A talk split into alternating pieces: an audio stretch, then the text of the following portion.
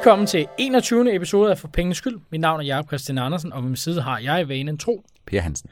Per, i dag der skal vi snakke om udbytteaktier, men inden vi når så langt, øh, Sydbank, de var, de var ude med regnskab i går, og prompte efter nogle timer, så var aktien ned med 6%. Jeg, jeg var en kende overrasket, for det ene, så synes jeg, uden at jeg har været for meget ned i detaljen med regnskab, men det ser jo meget fint ud. Eller hvad tænker du? Jamen, jeg tænker, at investorerne de er lidt hårdere ved Sydbank her. Sydbank leverer det mulige, men de leverer ikke det umulige, kan man sige. Sydbank er en del af det danske bankmarked, hvor det er svært sådan for alvor at øge sit forretningsomfang. Også selvom Sydbank faktisk har haft held med at øge sit forretningsomfang med 5,8 milliarder kroner i 2015. Men jeg tror, det der spiller ind, det har været, at prisfastsættelsen er relativt høj, svarende til 1, Øh, 1,2 gange den øh, bogførte egenkapital. Og det svarer jo til, at Sydbank allerede var prisfastsat, som om de kunne lave 12% egenkapitalforandring. Så er der nogen, der, på, der peger på, at forventningerne for 2016, jamen de er uambitiøse. Og der må jeg bare sige, jamen det er sådan, at vi er i en foranderlig verden, og Jyske Bank, da de kom med regnskab, jamen, de var jo heller ikke særlig konkrete med hensyn til deres forventninger til 2016. Så jeg tror først og fremmest, det handler om, at forventningerne var for store, og prisfastsættelsen, den er i den høje ende. Og tidligere, når vi sad her, så øh, ja, vi må sige, januar og februar, det har været nogle hårde måneder med, med store fald. Nu, øh, nu synes jeg, at det mere det bliver afløst af, at nu kører vi en periode med store fald, den ene dag, og store stigninger den næste dag. Som investor, så kan man jo godt blive en smule rundforvirret. P, har du, gør du der nogle tanker om, hvordan der hvorledes vi, den aktuelle situation er? Måske i forhold til, at den, er den anderledes, end hvor vi var i medio januar? Jamen, jeg tror, udsvingene, selvom det ikke virker sådan, så er udsvingene trods alt en lille smule mindre, men de er der. Jeg tror fortsat, det er Kina, det er olie, det er øh, investorernes tvivl om, hvorvidt centralbanker nu også vil give mere medvind i 2016, og så ikke mindst, jamen, så har vi fået en ny ubekendt med, nemlig hvorvidt den amerikanske økonomi ender med øh, i kortere eller længere periode i 2016 at løbe i recession. Og når det er så vigtigt det sidste, så er det jo fordi, hvis den amerikanske økonomi løber i recession, så er det sådan, at når USA bliver nyser, jamen, så bliver hele verden forkølet, og det er nok det, som investorerne er nervøs for. Vi havde jo en, en, en enkelt øh, stigning i renten i USA, og typisk når der er de her stigninger, eller, eller også at, at, at der kommer fald i renten, så kommer det i bølger, det vil sige flere, øh, flere stigninger på, på hinanden øh, kommer typisk, og det kan så være over en et-toårig periode. Men, men Per, den her rentestigning, der var, kom den for tidligt? Og mit næste spørgsmål vil her være, jamen, tror du stadig, vi kan forvente nogen, der kommer måske maj-juni måned, eller er det løb kørt? Hvis jeg skal tage den bagfra, så kan man sige, at jeg tror ikke, der kommer nogen på den her side af sommerferien, så længe olieprisen den ligger, hvor den er. For når olieprisen den er, hvor den er, jamen så er det sådan, at, man, at vi i USA fra centralbanks side er tilstrækkeligt langt væk fra 2,0 i årlig inflationsstigning, der gør, at Fed de vil være øh, på hold tilbage til det, det første, du spurgte om, kom øh, rentestigningen, kom den øh, for tidligt? Nej, jeg tror faktisk snart, den kom for sent, i den forstand, at øh, hvis man kan sige, at Fed er blevet fanget sådan lidt på det forkerte ben, jamen så er det måske, at de har ventet for længe med at sætte renten op. De burde måske have gjort det allerede i 2014 eller ind i starten af 2015. Udfordringen den var, det var det tidspunkt, hvor olieprisen lige pludselig eksploderede nedad, og kan man forestille sig, at der er nogen, der lige pludselig øh, kritiserer Fed for, midt i en periode, hvor inflationsforventningerne kører meget ned, at de så begynder at normalisere pengepolitikken, så ville det under alle omstændigheder også have givet ballade på daværende tidspunkt. Så jeg tror ikke, at man kan sige, at, at Fed har gjort det for tidligt. Jeg tror sådan set heller ikke, man alt i alt kan sige, at de har gjort det for sent. Rentestigninger kommer meget ofte upassende, og det specielle ved det her, det er jo, at det i givet fald, eller i december måned, var den første rentestigning i ni år. Så på den måde, der har markedet måske glemt, hvad det vil sige, når mm. prisen på penge begynder at køre opad. Dagens tema i dag, det er øh, udbytteaktier. Udbytteaktier, det er jo en, en, næsten en religion for nogle mennesker. Der er nogen, der kun vil have dem i deres portefølje. Øhm, per, når du udvælger aktier til din portefølje, spiller det så ind for dig, hvorvidt de udlader udbytte eller ikke? Ej, det spiller der ind. Jeg kigger der på det, men det er ikke noget, som er udslagsgivende. Det er ikke sådan, så jeg kun vælger udbytteaktier, eller jeg vælger decideret udbytteaktier fra, ud fra den tese om, at når man betaler udbytte, så har man ikke andet at bruge sine penge på. Så ja, jeg kigger på det, men det er ikke det, der er udslagsgivende alene. Ah, okay. Endnu en gang, velkommen til 21. episode for Pengenes Skyld. Aktieudbytte er kort og godt den kontant andel, som en virksomhed vælger at udbetale til aktionærerne. Der er ingen regler for, hvorvidt et selskab skal udbetale øh, udbytte eller ikke. Og af samme årsag så er der også meget stor forskel på, hvorvidt selskab udbetaler et højbytte øh, eller ikke. Og der er sågar også virksomheder, der intet udbytte, øh, udbetaler. En af de virksomheder, det var tidligere Apple. Nu har de så vendt politikken og betaler i dag et ganske fint øh, udbytte. Per, skal man, skal man som investor favorisere aktietilbagekøb eller aktieudbytte, fordi man kan sige, et, et, et aktietilbagekøb, det holder en eller anden hånd under aktiekursen, det kan måske endda få, få aktiekursen med til at stige lige frem, eller skal man foretrække et aktieudbytte i stedet? Er det en bedre end det andet? Jeg tror, det er sådan lidt en øh, smagssag. Man kan jo sige, at hvis man udbetaler et kontant aktieudbytte, jamen så disciplinerer det virksomhederne, fordi virksomhederne de skal være sikre på, at de har penge nok til kontant at udbetale det her udbytte. Øh, det samme kan man måske sige om et aktietilbagekøb. Et aktietilbagekøb varer typisk eller sker typisk over en længere periode. Så jeg vil sige, det afhænger meget af, hvad er prisen på aktien relativt til nogle andre ting. Altså, hvad er prisen på den egenkapital, øh, som er i øh, et givet selskab. Og så er der nogen, der har lidt smag for udbytte, nogle investorer, der har smag for udbytte, og så er der nogle investorer, der har smag for aktietilbagekøb. Så man kan ikke entydigt sige, om det ene er, er, bedre, end det, øh, er bedre end det andet. Du, du var inde på det her med at disciplinere ledelsen. Hvad, hvad, hvad ligger der i det? Jamen det er jo simpelthen sådan, at hvis man ved, øh, ligesom i din private økonomi derhjemme, Jacob, at når der kommer rudekuverter, så ved du, at de skal betales. Så er du nødt til at lægge nogle penge til side, eller du er i hvert fald nødt til at forberede dig på, hvordan du skaffer nogle penge, sådan så du kan betale de her regninger. Og på samme måde, så kan man sige, jamen hvis ledelsen, de ved, hvis virksomheden, de ved, at de på et givet tidspunkt, der skal de udløje 3, 4 eller 5 kroner per aktie øh, til investorerne, jamen så disciplinerer det dem, fordi at øh, de er øh, død og pine nødt til at have pengene liggende i kassen. For ellers kan man ikke udbetale dem, medmindre man selvfølgelig kan låne til at udbetale udbytte, og det lyder jo som udgangspunkt ikke særlig klogt. Men, men Per, kan man ikke som investor tænke, okay, den her virksomhed, de udlåder 500 millioner, burde de ikke bedre, øh, hellere bruge de her penge på at investere, og på den måde øge indtjeningen ydermere? Altså med andre ord, er høj, højt udbytte egentlig ikke bare, når virksomheden ikke ved, hvad de ellers skal bruge pengene på? Der har været lavet nogle undersøgelser, der viser, om man entydigt kan konkludere, at de selskaber, der udbetaler et højt udbytte, ikke har andre penge, ikke har andre ting at bruge deres penge på. Og det kan man faktisk ikke konkludere, men der er sikkert nogle industrier, hvor man kan sige, at det giver mere mening at udbetale en større andel af årets overskud, end at reinvestere den, eller øh, decideret at foretage nogle opkøb. Det er jo sådan, Jakob, at skal du kigge på de her opkøb, men så er det desværre øh, en sandhed uden modifikationer. 80% af de opkøb, der bliver lavet, de er ikke værdiskabende værdiskabende. Der er kun 20 procent af de opkøb, der er værdiskabende, og skal jeg kigge på et enkelt dansk selskab, som er undtagelsen i den her scene, så er det DSV. DSV, de laver værdi hver eneste gang, hvor de køber et selskab, men jeg kan umiddelbart ikke komme i tanke om så mange andre selskaber, som fuldstændig konsekvent er gode til at integrere andre selskaber. Så på den måde, der kan man sige, at øh, det er mere end bare lige et spørgsmål om, hvorvidt øh, udbytte er en god eller en dårlig ting. Det er mere end, end bare lige at sige, at når man udbetaler et højt udbytte, så er det fordi, man ikke har noget andet at bruge det til. Men det er altså sådan, øh, at pengene ligger nogle gange bedst i borgernes lommer, øh, som øh, der var et mundhæld, der sagde engang. Og det er i hvert fald en, øh, et udtryk, som investoren har taget til sig, og det siger de, jamen virksomheden skal ikke være overkapitaliseret. Hvis det er sådan, der ligger rigtig mange penge, hvis ikke de skal bruges til vækst, hvis ikke de skal bruges til konsolidering, så skal de tilbage til investorerne. Okay, men vi kommer lige lidt tilbage på, hvilke sektorer, fordi der er nemlig også stor forskel på der i forhold til, hvilke virksomheder, der udbetaler udbytte eller ikke. Men sådan lidt, lidt praktikalitet. Øhm, man kan tælle om, hvornår skal man egentlig eje en aktie for at få udbyttet, og øh, det skal man jo på dagen for generalforsamlingen. Og så er det, jeg tænker, for at trække det et, et niveau ned, kan man ikke bare købe aktien samme dag som generalforsamling, og så sælge den dagen efter, og dermed så har man tjent udbyttet? Jo, man kan godt købe det på den dag, hvor der er generalforsamling, og så få udbyttet inklusiv. Man kan ikke købe den dagen efter, og det er jo fordi, at x-daten, det er i hovedreglen, det er dagen efter generalforsamlingen. Altså generalforsamlingen skal jo godkende udbyttet. Og når generalforsamlingen godkender udbyttet, ja, så vil det i reglen være sådan, at så, går, så handler aktien dagen efter, uden retten til at modtage udbyttet. Og det udbytte, jamen det får man så øh, normalt med to valørdage derefter, hvis der i hvert fald er tale om en dansk aktie, som er noteret eller registreret i Værdipapircentralen. Så, så på den måde, der kan man sige, man kan ikke snyde, man kan ikke ligesom købe dagen efter til en lavere kurs på aktien, hvor udbyttet er gået fra, og hvor aktien handles uden retten til at modtage udbyttet, samtidig med, at man sådan ligesom får udbyttet. Altså, man kan ikke drage analogien, der hedder, at det er okay at snyde i skat, hvis man ikke bliver opdaget. Men Per, hvis, lad, lad os sige, et selskab det har en eller anden markedsværdi på, øh, på 100 millioner, og så udbetaler de 1 million kroner i, i, i aktieudbytte. Jamen kan man så ikke bare lade være med at sælge på den måde, så har man tjent udbyttet?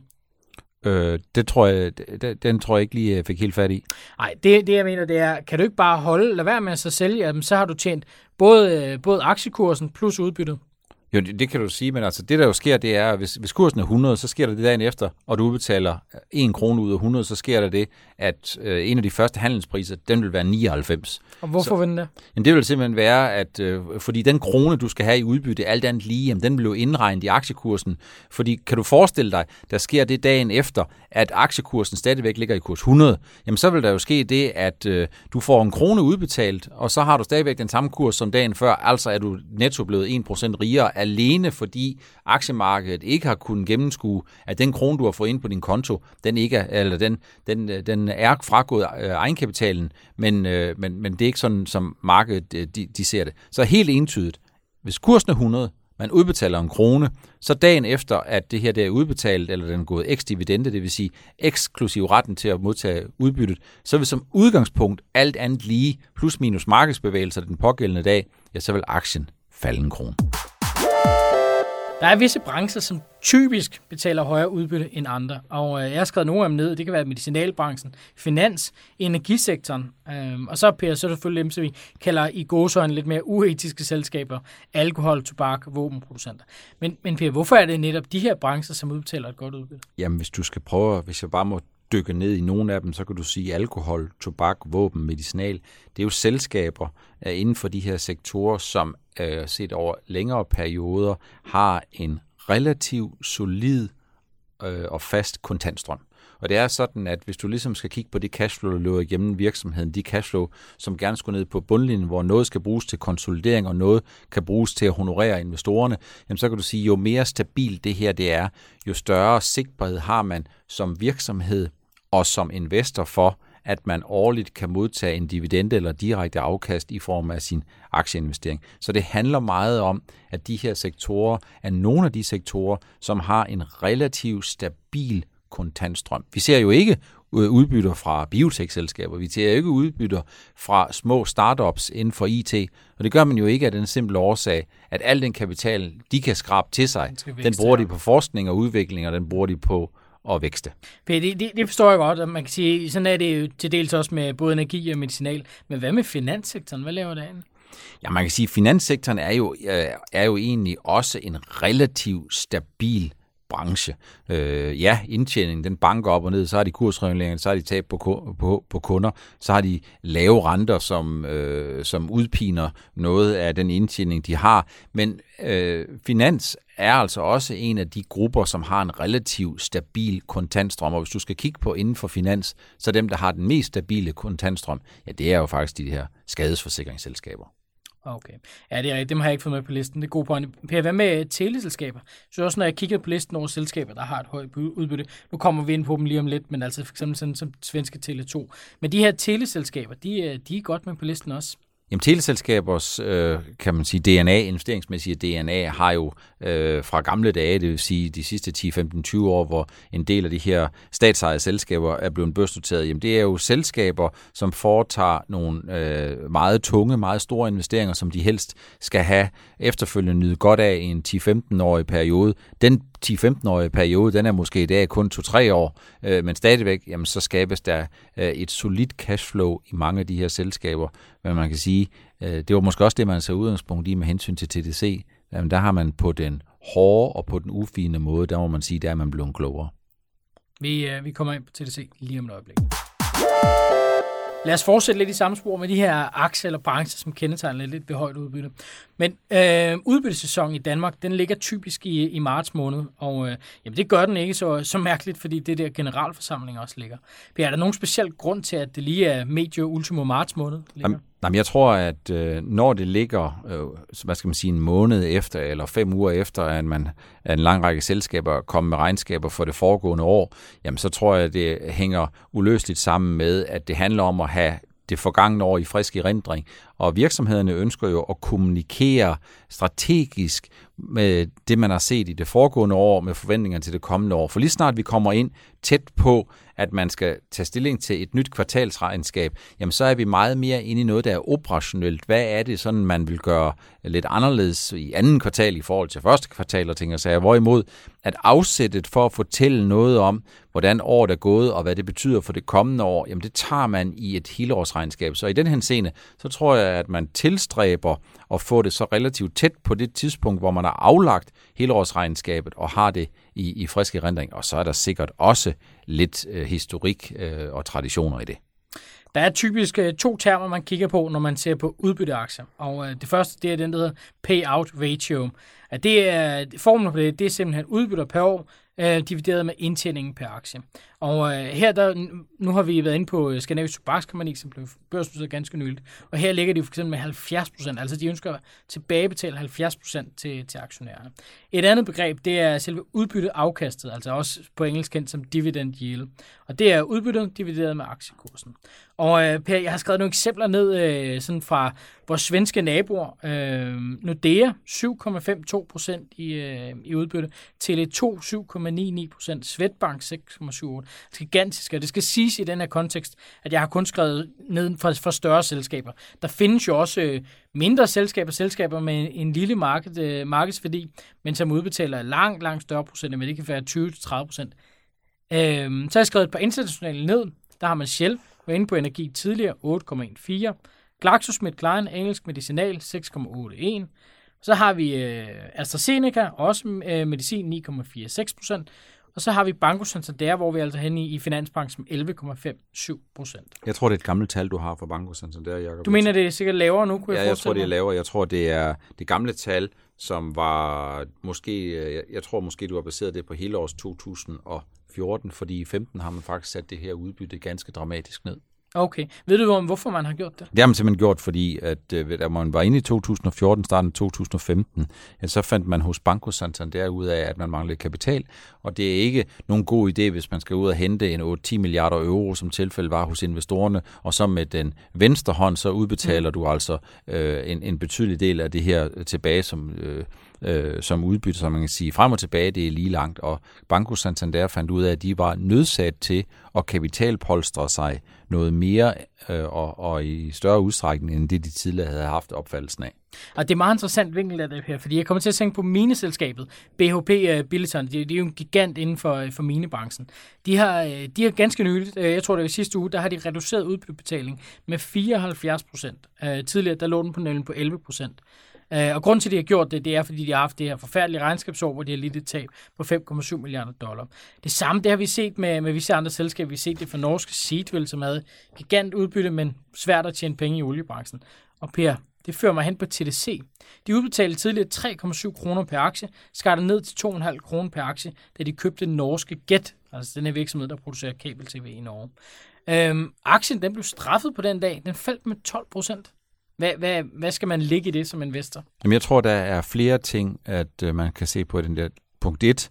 Vi har set en 3-4 skuffelser fra TDC over de sidste 12 måneder, og det er altså, det her det er en af dem.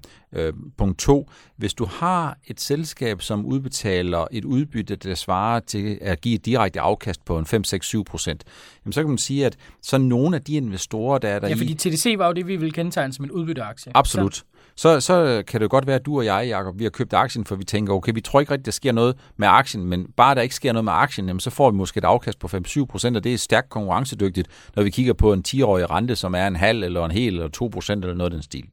Men der kan også være andre investorer end os to, der sidder og kigger på den.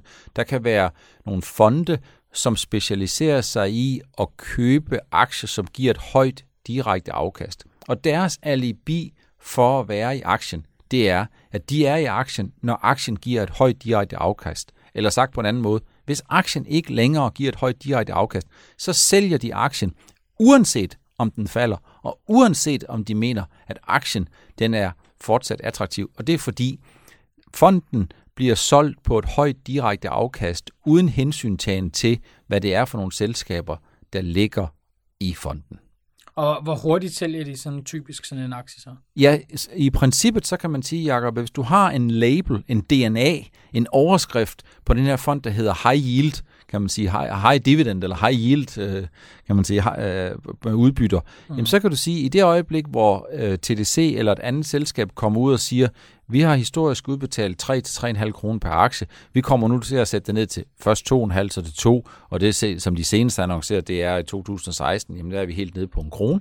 Øhm, jamen så kan man sige, i det øjeblik, hvor den meddelelse kommer, jamen så er de sådan set på vej ud af aktien. Og det er fordi, hvis ikke de gør det, så vil internationale investorer, de vil sige, overskriften på jeres fond, den er, I køber aktier i selskaber med et højt direkte afkast. Men da det her selskab jo har meddelt, at de ikke længere giver det høje direkte afkast, ja, så skal indholdet i fonden, det skal jo svare til den overskrift, I, I har. Så for at undgå, at man eventuelt kommer til at få sagsanlæg og andre ting, så sælger de fuldstændig automatisk ud af de her selskaber. Så på den måde, så kan der godt samtidig ske nogle dage, hvor en aktie øh, falder 10, 12, 15 eller 20 procent, som virker måske meget mere end det, som det økonomiske rationale er. Bare husk på, der sidder nogen, som siger automatisk, vi skal ikke længere være i den her aktie.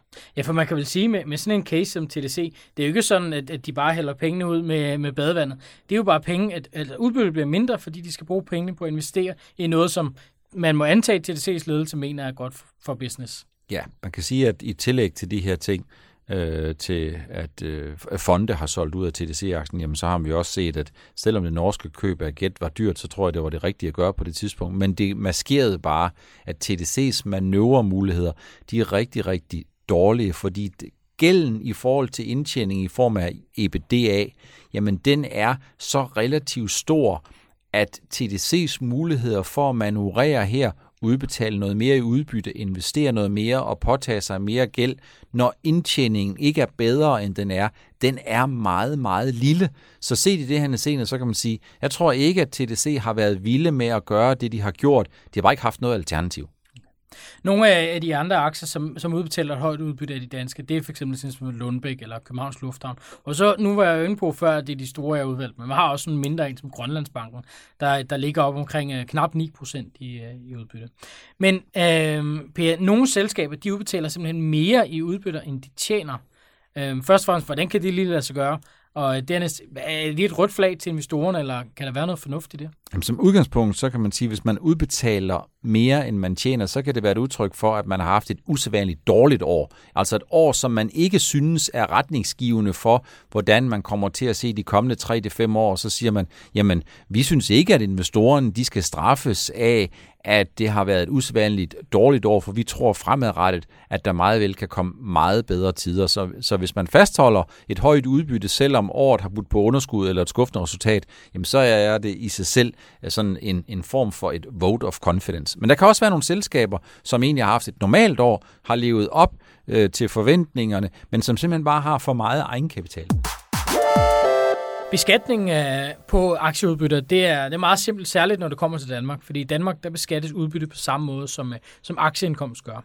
Det forholder sig lidt anderledes, når vi er i udlandet, men det er Øh, men de lande, hvor man handler som, som Nordnet-kunde, der har vi en dobbeltbeskatningsaftale, hvor vi per automatik trækker 15%.